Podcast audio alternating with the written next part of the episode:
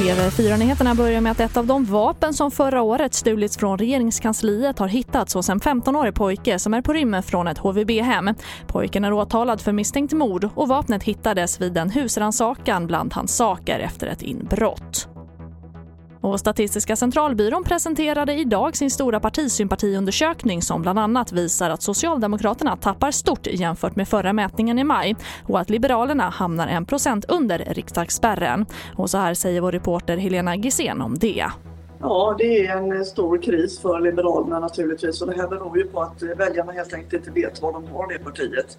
Eh, de har ju eh, ingått ett eh, samarbete, de stöder regeringen Löfven och deras väljare är i högre grad än de förtroendevalda borgerliga och kanske stödja Ulf Kristersson som statsminister. Men än så länge är det ingen som vet mm. åt vilket håll de lutar.